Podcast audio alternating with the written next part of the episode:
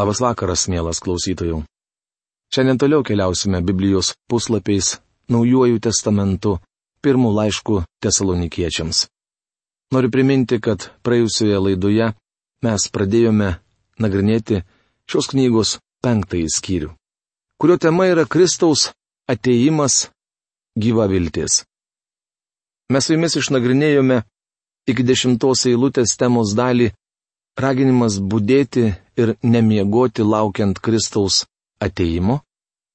Ir šios dienos laidą pradedame nagrinėdami temą paliepimai krikščionims. Prieš pradėdami apžvalgą, kaip esam pratę, paprašykime Dievo pagalbos, suprasti jo mintis ir jo kelius, kuriais norėtų jisai matyti mus su jumis vaikštant.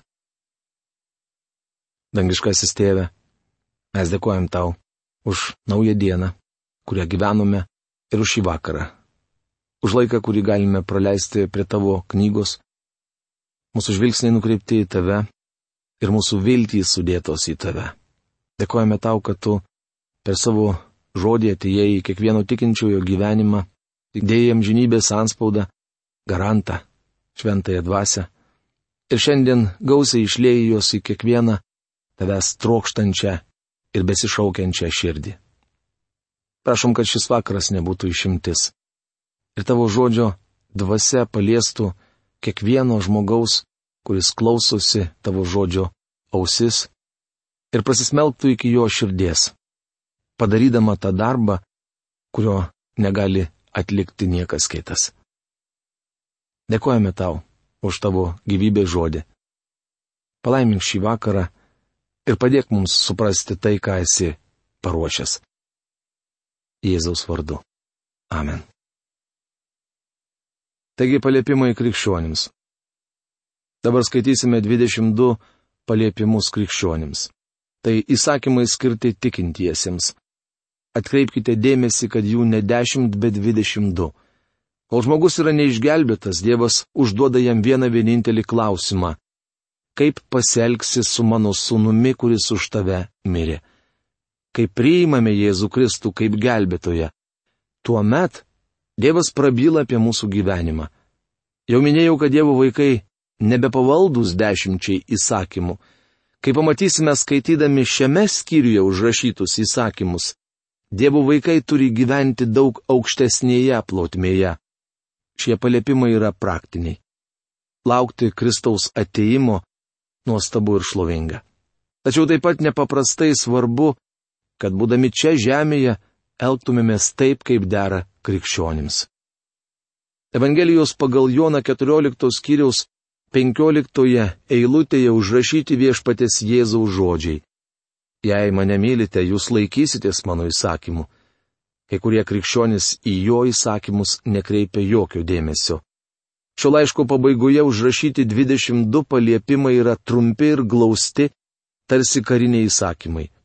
Jau minėjome, kad aštuntoje šios skyriaus eilutėje užrašytas paliepimas būti blaiviems ir apsirengti karinę uniformą.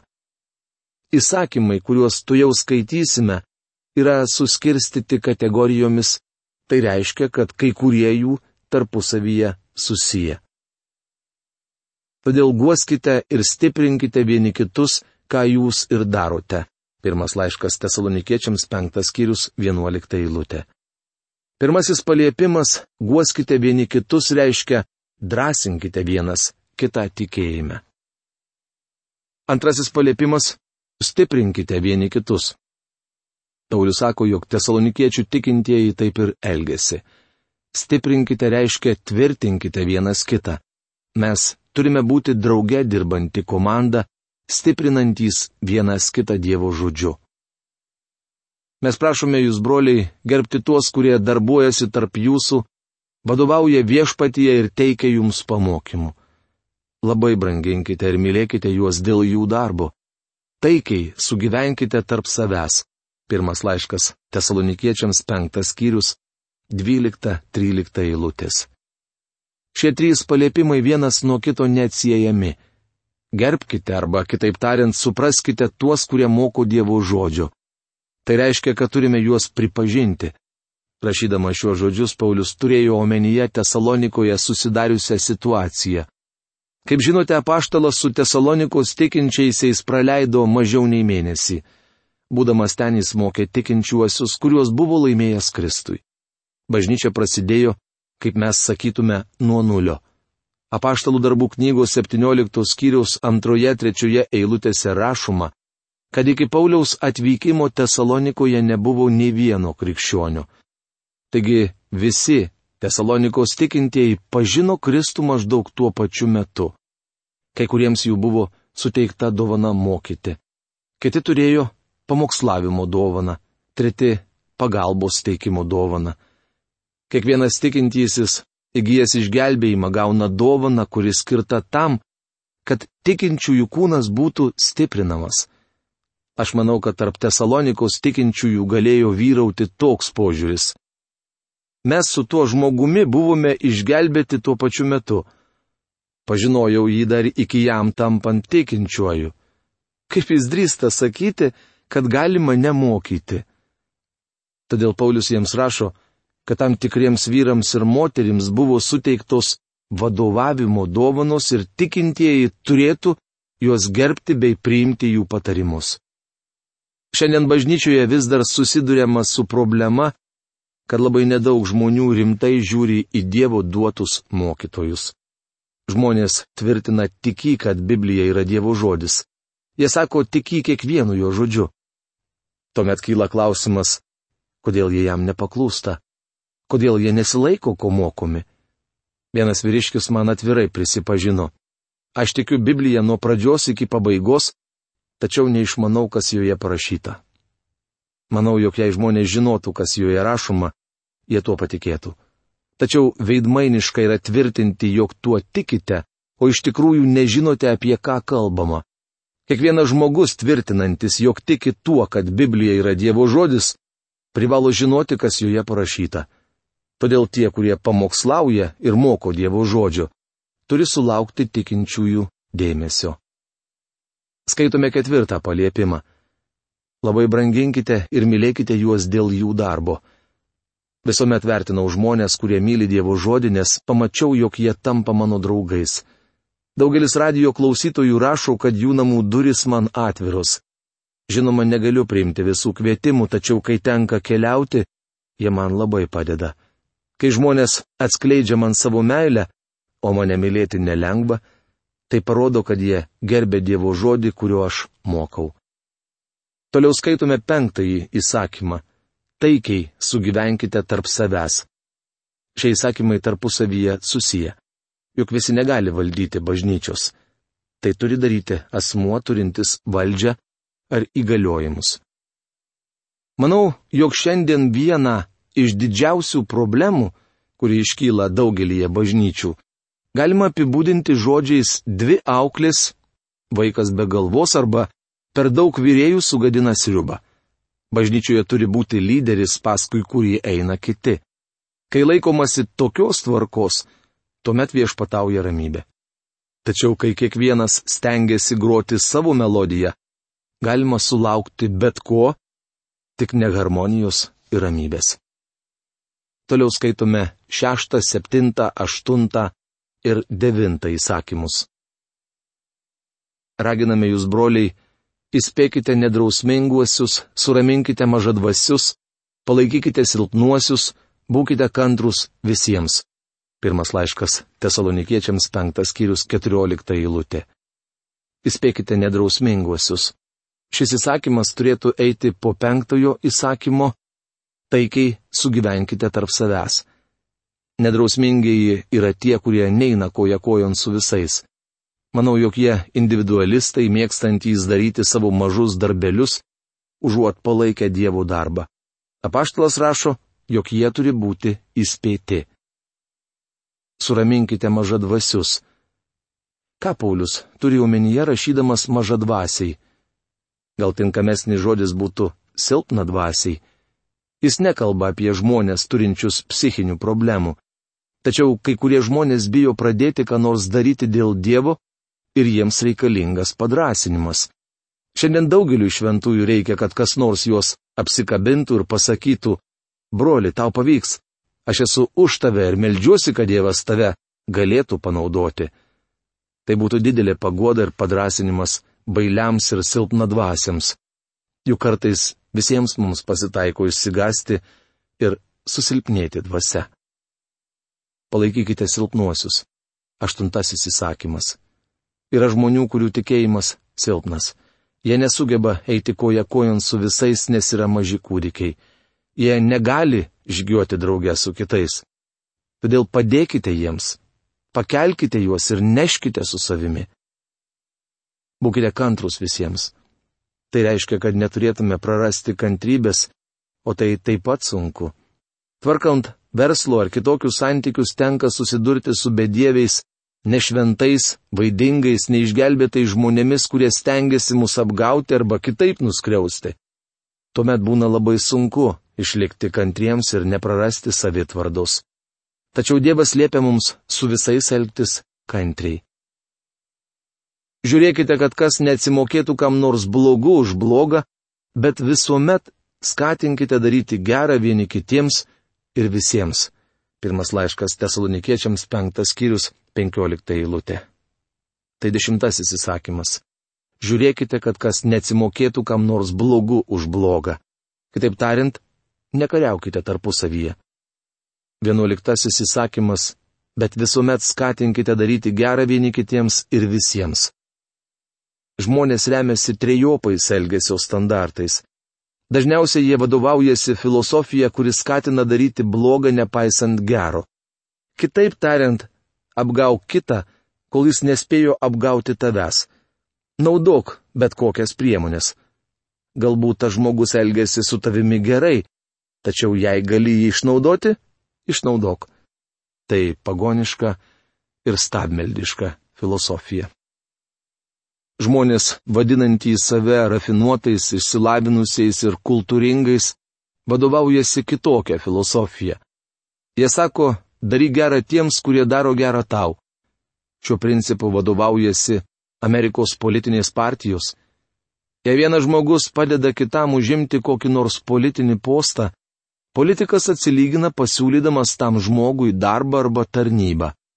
Šią filosofiją besivadovaujantys žmonės labai rūpestingi saviškiams.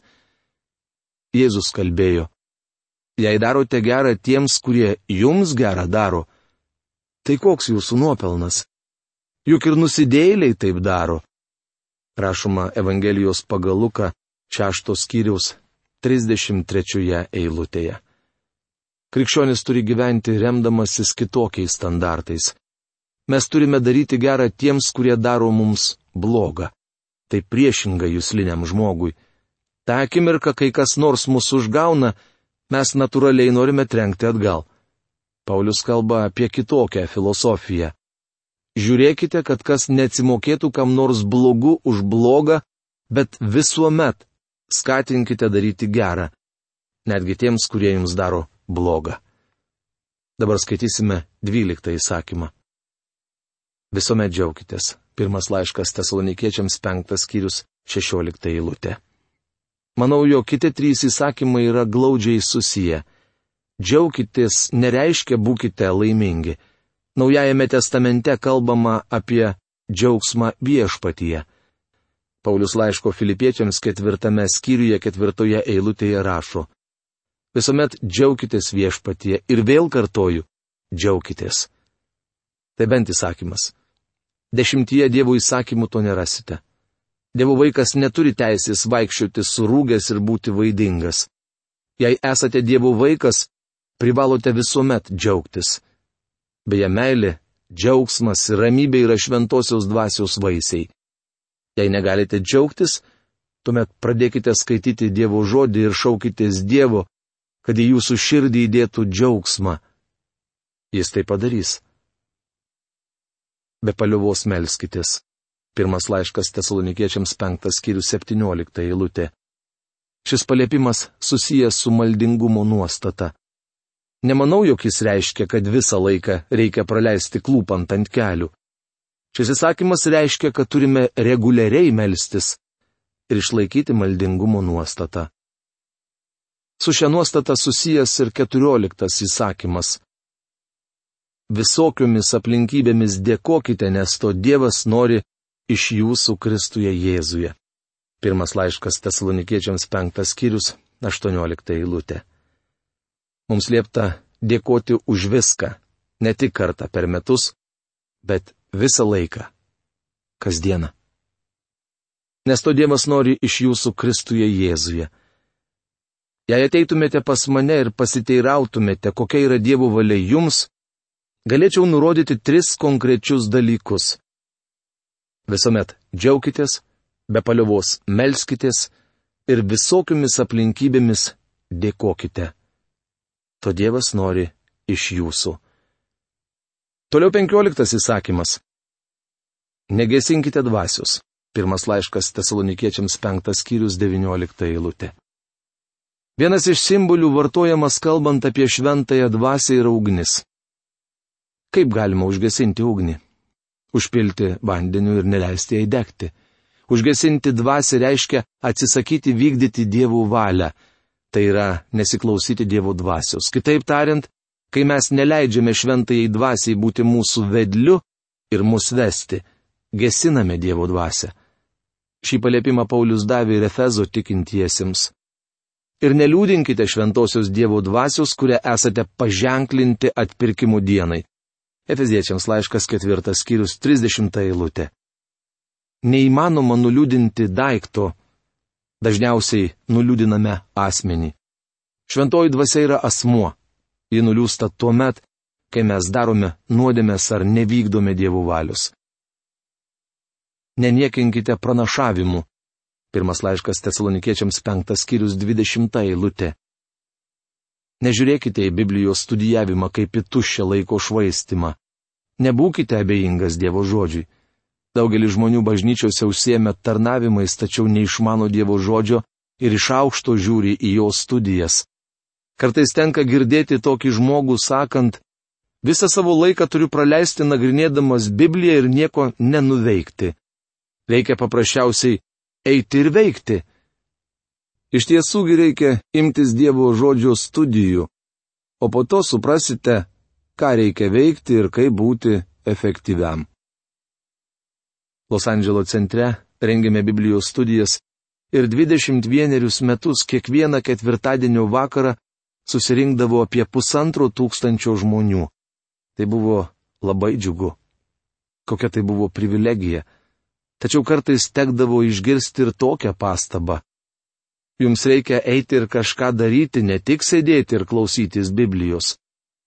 Įdomu tai, jog tie žmonės, kurie atėję sėdėdavo ir klausydavo Biblijos, tikrai eidavo ir kažką nuveikdavo. Keli šimtai tų žmonių tarnauja misijose, keli šimtai liudyja apie Dievą, daugelis tapo tarnautojais. Pastebėjau, jog žmonės, kurie nenagrinėja Dievo žodžio, sustoja kaip savaitę veikiantis laikrodis. Jų tarnavimai neilgai te gyvuoja.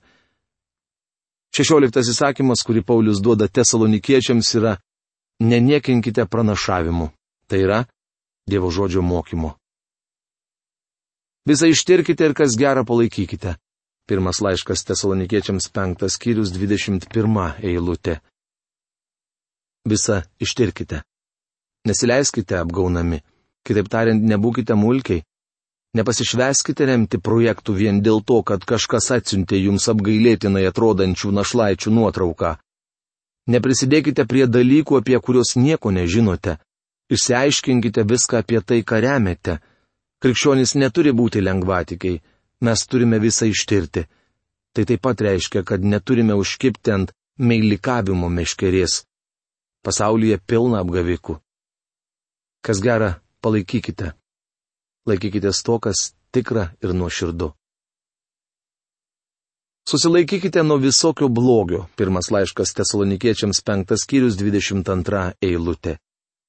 Šis devynioliktas įsakymas yra atsakymas į abejotinus laisvalaikio užsiemimus ir pramogas. Jeigu jūs kažkuo abejojate, kad tai, ką jūs darote, yra gerai ar blogai, tai jums to daryti nereikėtų. Susilaikykite nuo visokio blogio. Dabar atkreipkite dėmesį į tai, jog žmogus yra trilypė būtybė. Pats ramybės Dievas jūs tobulai te pašventina ir tai išlaiko sveiką bei nepeiktina jūsų dvasę, sielą ir kūną mūsų viešpatės Jėzaus ateimui. Pirmas laiškas tesalonikiečiams penktas skyrius 23 eilutė. Kostas burbulys šią eilutę verčia šiek tiek tiksliau. Pats ramybės Dievas iki galo jūs te pašventina ir tai išlaiko jūsų dvasę, sielą ir kūną, nepeiktina mūsų viešpaties Jėzaus ateimui. Žmogus yra trilypė būtybė, turinti kūną, sielą, tai yra protą ir dvasę. Iki galo te pašventina reiškia netobulai, tačiau mes turime pasiekti brandą. Mes neturėtume pasilikti kūdikiai Kristuje, bet turime bręsti arba aukti. Tasai, kuris jūs šaukia, yra ištikimas. Jis ir įvykdys. Pirmas laiškas tesalonikiečiams penktas skyrius 24 eilutė. Jūs galite pasikliauti Dievu. Broliai, melskitės už mus. Pirmas laiškas tesalonikiečiams penktas skyrius 25 eilutė. Šis dvidešimtasis paliepimas yra melstis už tuos, kurie skelbia Evangeliją. Šiandien jūs negalite melstis už Paulių, tačiau galite melstis už mane. Ir aš būčiau jums už tai dėkingas. Galite melstis už savo pastorių ir savo misionierius. Žinau, jog jie taip pat būtų dėkingi. Pasveikinkite visus brolius šventų pabučiavimu. Pirmas laiškas tesalonikiečiams penktas skyrius 26 eilutė. Tai taip pat įsakymas. Tik žiūrėkite, kad tai būtų šventas pabučiavimas mūsų šalyje užteks ir šilto rankos paspaudimo. Saigdindamas jūs viešpačių prašau, kad šis laiškas būtų perskaitytas visiems broliams. Pirmas laiškas tesalonikiečiams penktas skyrius 27 eilutė. Tai 22 įsakymas ir aš jam paklusau, cituodamas jums visą šį laišką. Mūsų viešpatės Jėzaus Kristaus malonė te būna su jumis. Pirmas laiškas tesalonikiečiams, penktas skyrius, 28 eilutė. Mano mylimieji, aš melžiuosi, kad mūsų viešpatės Jėzaus Kristaus malonė būtų su jumis visais. Iki kito sustikimo. Sudė.